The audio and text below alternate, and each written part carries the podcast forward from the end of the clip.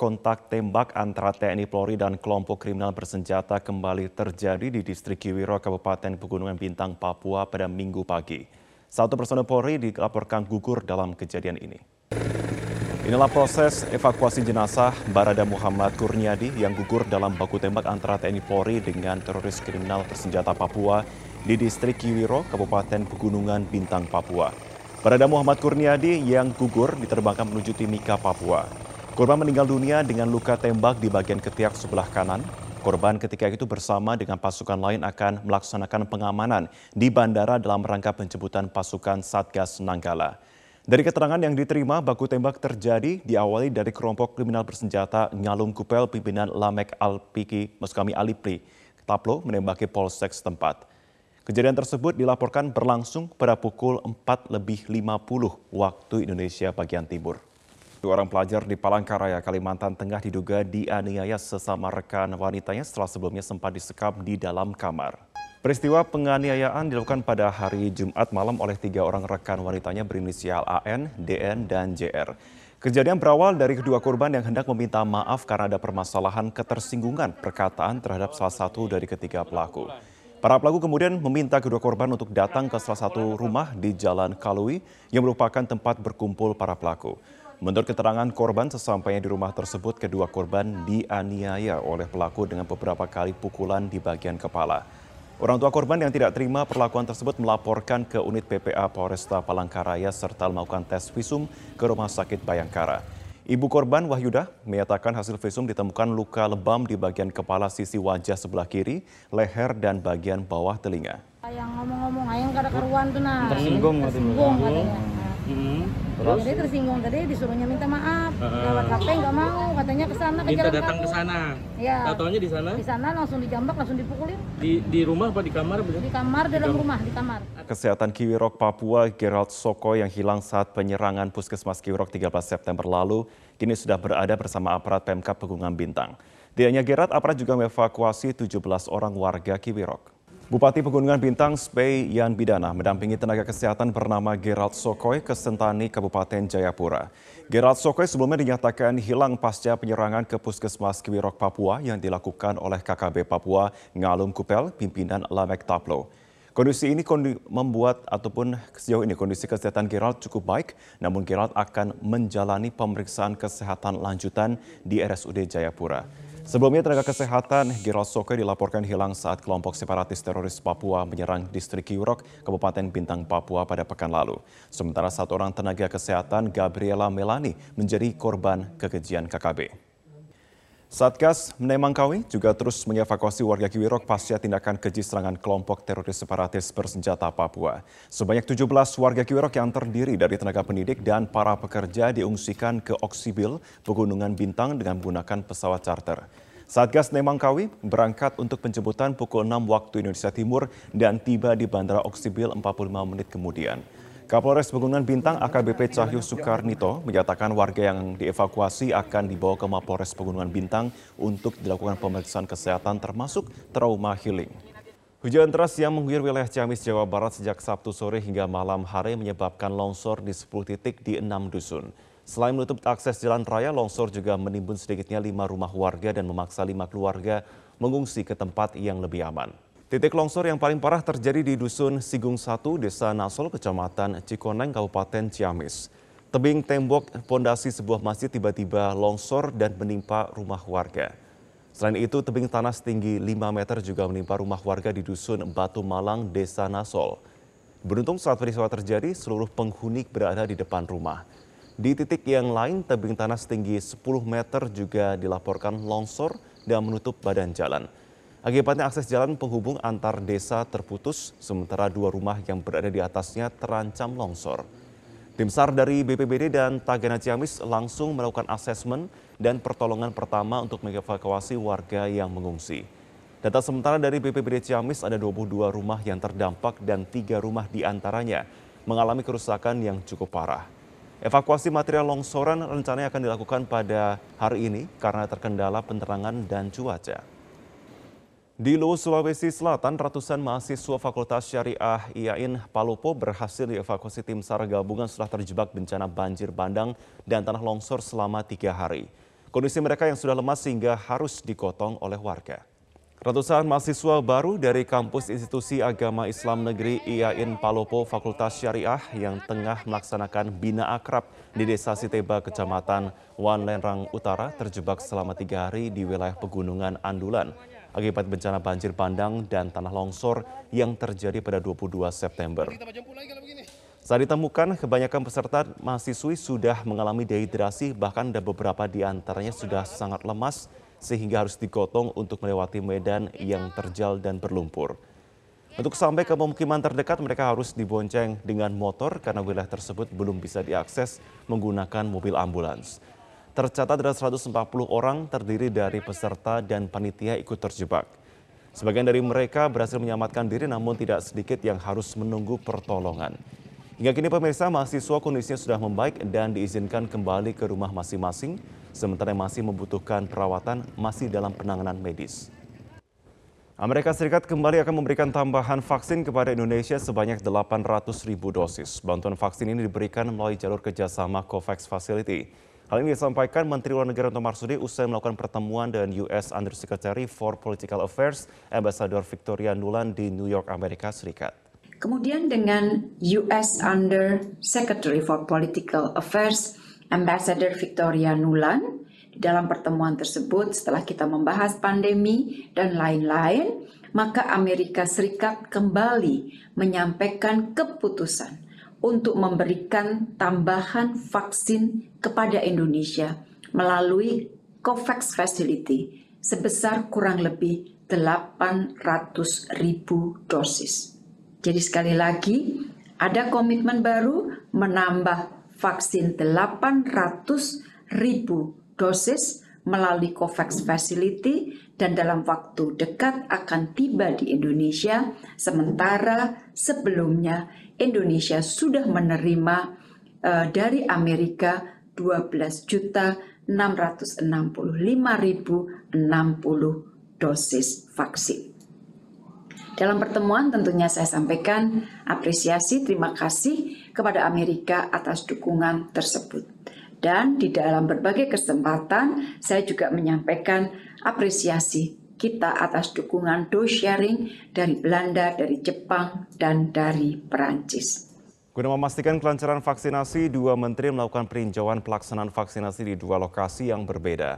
Menteri Koperasi dan Usaha Kecil Menengah Teten Masduki meninjau vaksinasi COVID-19 bagi para pelaku UMKM di Kabupaten Brebes, Jawa Tengah, sementara Menteri BUMN Erick Thohir meninjau vaksinasi 60 ribu dosis untuk warga di Medan, Sumatera Utara.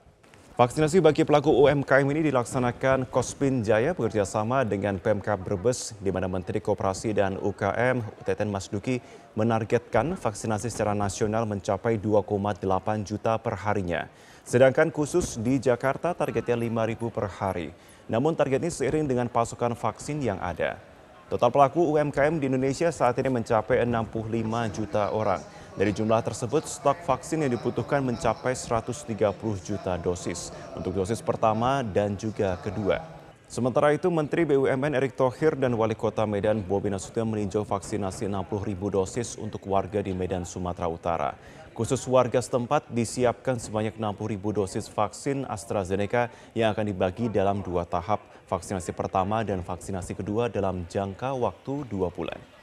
Satgas Madagoraya terus melakukan pencarian terhadap empat orang daftar pencarian orang atau DPO teroris Poso. Untuk mempermudah pencarian, selebaran yang berisikan gambar foto keempatnya disebar di tempat umum. Selebaran berupa stiker yang bergambar foto 4 DPO teroris Poso mulai disebar di sejumlah wilayah di antaranya wilayah Poso Pesisir Bersaudara, Kecamatan Sausu dan Torue, serta Kabupaten Parigi Mutong. Sejumlah ruang publik dan fasilitas umum menjadi objek pemasangan selebaran DPO teroris Poso, di mana selain ditempel di ruang publik, selebaran DPO juga dibagikan kepada masyarakat agar masyarakat dapat mengenali ciri-ciri pelaku. Wakasatgas Humas Operasi Madagoraya AKBP Bronto Budiono menyerukan kepada empat DPO teroris Poso untuk segera menyerahkan diri dan mempertanggungjawabkan perbuatannya di hadapan hukum. Perayaan Pekan Olahraga Nasional PON 20 Papua membutuhkan dukungan dari semua aspek terlebih infrastruktur telekomunikasi. Untuk membahas lebih lanjut, kita sudah bergabung bersama dengan Direktur Jenderal Sumber Daya Perangkat Pos dan Informatika Kementerian Komunikasi dan Informatika, Bapak Ismail. Pak Ismail, uh, bagaimana Pak progres pembangunan rute baru untuk fiber optik kabel laut ini, Pak? Uh, Alhamdulillah untuk persiapan PON ini uh, kami sudah jauh-jauh uh, hari ya mempersiapkan infrastruktur telekomunikasi ini untuk di seluruh uh, venue baik itu Kota Jayapura, Kabupaten Jayapura, Kabupaten Merauke, dan Kabupaten Mimika. Sampai saat ini, alhamdulillah seluruh uh, persiapan infrastruktur telekomunikasi sudah hampir final dan sudah kita siapkan untuk akses data sekitar 11,5 gigabit, gigabit per second, juga akses point yang cukup besar sampai 427 unit dan saluran-saluran kanal untuk IndiHome sampai 142 kanal dan BTS-nya juga untuk Telkomsel kita sudah siapkan 192 BTS. Jadi ini kerja keras dari seluruh operator ya, khususnya Telkom hmm. Group yang sudah menyiapkan begitu banyak uh, infrastruktur untuk persiapan PON ini, Mas. Oke, target untuk selesai semua pembangunan untuk rute barunya dan juga perangkat-perangkat pendukung itu kapan, Pak? Uh, minggu ini sudah jadi minggu ini sudah final ya karena seluruh target baik itu infrastruktur yang dibutuhkan maupun backup. Jadi backup juga termasuk yang kita siapkan. Backupnya tidak hanya untuk dalam negeri, tapi juga backup sampai ke link akses luar negeri. Kita menyiapkan backup untuk uh, jalur data ini juga tambahan di dua rute ya, rute ke melalui Papua Nugini eh, sampai Guam, kemudian juga eh, rute kedua yang melalui segmen Jayapura, Madang dan Sydney sampai ke Singapura. Jadi eh, baik itu baik, eh, infrastruktur yang dibutuhkan di empat eh, kota dan kabupaten tadi, termasuk juga koneksi eh, backup apabila terjadi gangguan kita sudah siapkan semua. Oke. Uh, apakah sudah terpetakan Pak untuk gangguan ataupun ancaman-ancaman apa yang bisa mengganggu keamanan konektivitas ini Pak?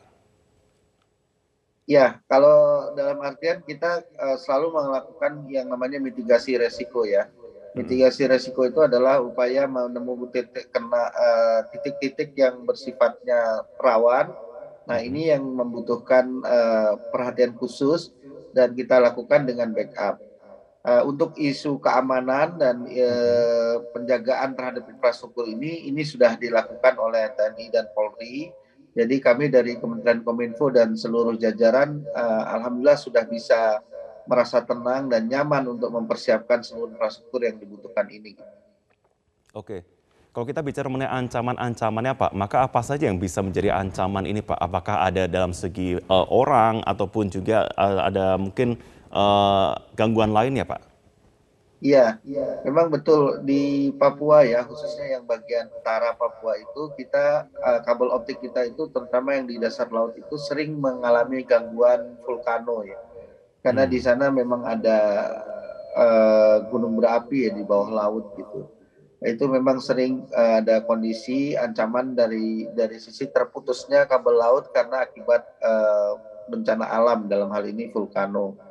Nah, ini salah satu isu yang menjadi uh, concern kita sehingga maka seperti yang saya jelaskan tadi jalur yang biasa uh, terjadi gangguan alam itu sudah kita backup dengan jalur yang berbeda.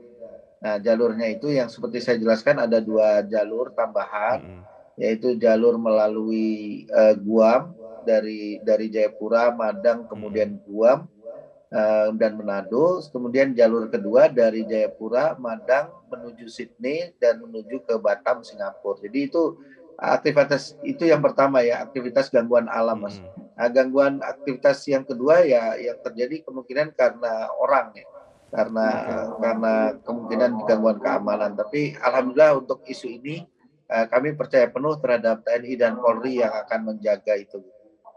Oke, selain wilayah utara itu adakah wilayah lain Pak yang dipetakan dinyatakan high risk atau dalam ancaman tinggi? Untuk high risk kita uh, semua area kita anggap high risk ya karena kita ambil ambil posisi untuk selalu siap di semua titik. Uh, tadi termasuk juga backup itu tidak terkait dengan jaringan saja termasuk listrik. karena uh, telekomunikasi ini juga membutuhkan listrik, jadi uh, genset dan sebagainya sudah kita siapkan dengan kondisi full capacity. Dalam hal terjadi gangguan listrik uh, PLN, maka kita akan berpindah untuk menggunakan memanfaatkan genset. Pak Ismail, kemudian setelah event Pak, itu bagaimana rencana untuk maintain di wilayah tersebut agar tidak berhenti sampai di event saja? Iya, iya betul sekali Mas. Ini pertanyaan penting ya. Kita menyelenggarakan event uh, PON di Papua juga ada tujuannya. Tujuannya adalah salah satunya adalah agar infrastruktur yang terbangun saat ini untuk mempersiapkan PON nanti jadi bersifat permanen. Jadi uh, apa yang saya jelaskan tadi, uh, sebagian besar infrastruktur yang sudah disiapkan sekarang untuk PON ini tentu akan dijadikan infrastruktur yang permanen dan bisa dinikmati oleh masyarakat setelah itu. Hmm. Jadi memang kita kejar untuk menyelenggarakan PON ini untuk menjadi pemicu dan trigger kita untuk mempercepat uh, persiapan infrastruktur sekaligus memperbaiki kualitas infrastruktur di uh, Papua. Jadi uh, ini nanti akan terus dinikmati oleh masyarakat. Polisi berhasil menangkap pelaku pembakaran mimbar Masjid Raya Kota Makassar, Sulawesi Selatan. Pelaku melakukan aksinya karena merasa sakit hati dengan pengurus masjid karena setiap dirinya datang beristirahat di masjid itu selalu dilarang. Tim gabungan dari Resmo Polda Sulawesi Selatan dan Unit Jatan Ras Polrestabes Kota Makassar, Sulawesi Selatan akhirnya menangkap terduga pelaku pembakaran mimbar Masjid Raya Makassar tersebut.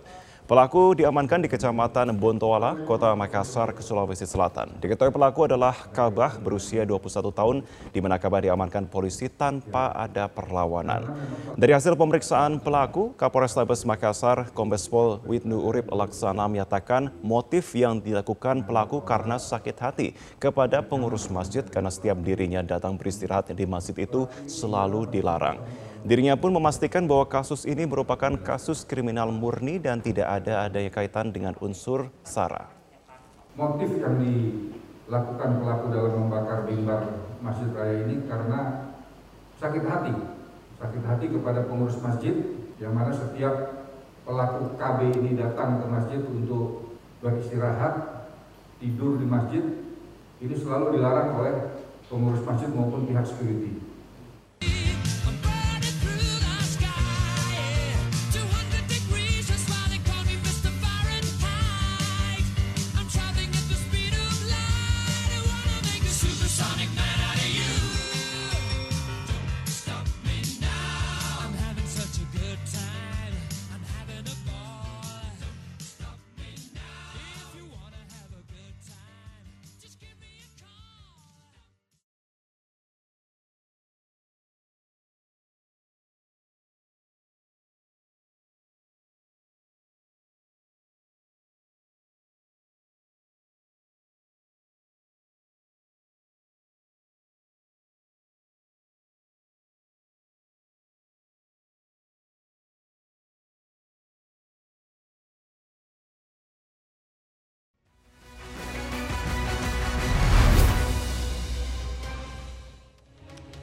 Pemirsa untuk pertama kalinya kasus harian COVID-19 di Korea Selatan menembus angka 3.000 kasus sejak awal pandemi.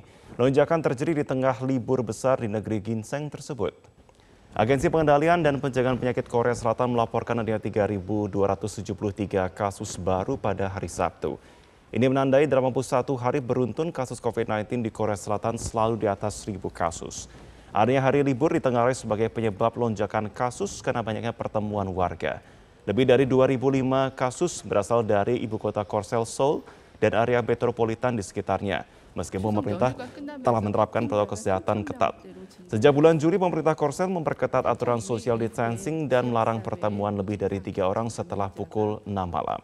Sejauh ini, kurang dari 45 persen warga Korea Selatan yang telah mendapatkan vaksinasi secara penuh. Buntuan dan aliran lava cair dari gunung berapi Kiumbra Vieja di Spanyol masih terus menunjukkan aktivitasnya. Ledakan keras menyebabkan batuan dan lava cair meluncur ke pantai barat pulau. Dan seperti inilah muntahan dan aliran lava cair dari gunung berapi Cumbre Vieja, gunung yang meletus pada Minggu 20 September lalu ini dan membuat otoritas tempat memerintahkan evakuasi bagi warga dari tiga desa di Pulau La Palma. Selama satu minggu ini, hampir 7.000 orang harus mengungsi dan meninggalkan rumah mereka, di mana evakuasi terpaksa dilakukan demi menghindari banyaknya korban jiwa. Pada hari Jumat, ledakan keras dari gunung berapi mengirimkan guncangan dan gempa yang bergema di lereng bukit tersebut. Ledakan keras menyebabkan batuan dan lava cair meluncur ke pantai barat pulau. Berdasarkan data yang dikeluarkan National Geographic Institute Spanyol, tidak ada gempa bumi dan getaran selama 24 jam ini, di mana sebelumnya tercatat sebanyak 1.130 gempa dan getaran terjadi selama seminggu terakhir. Aliran lava cair terus mengalir ke arah laut dan melambat menjadi 1 meter per jamnya. Para ilmuwan menyatakan aliran lava bisa berlangsung selama berminggu-minggu hingga berbulan-bulan.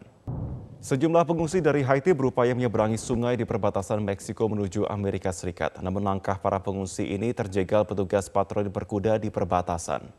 Video yang direkam oleh The Associated Press pada Minggu 19 September ini menunjukkan konfrontasi antara petugas patroli berkuda dengan para pengungsi dari Haiti. Para pengungsi ini berupaya menyeberangi sungai untuk mencapai tanah harapan mereka yakni Amerika Serikat. Namun petugas berkuda yang dilengkapi tali kekang panjang menghalangi langkah para pencari suaka hingga memicu kepanikan bagi sebagian pengungsi. Banyak warga Haiti yang bermimpi untuk hidup di Amerika Serikat karena kondisi konflik di negaranya dan akibat terbelit krisis ekonomi yang melanda Haiti akibat konflik berkepanjangan. Oleh karena itu, sebagian warga memilih untuk nekat mengungsi dan mencari suaka ke negara tujuan yang salah satunya adalah Amerika Serikat. Masyarakat dan aktivis lingkungan mengadakan aksi perubahan iklim di sejumlah negara, di antaranya di Argentina dan Brasil.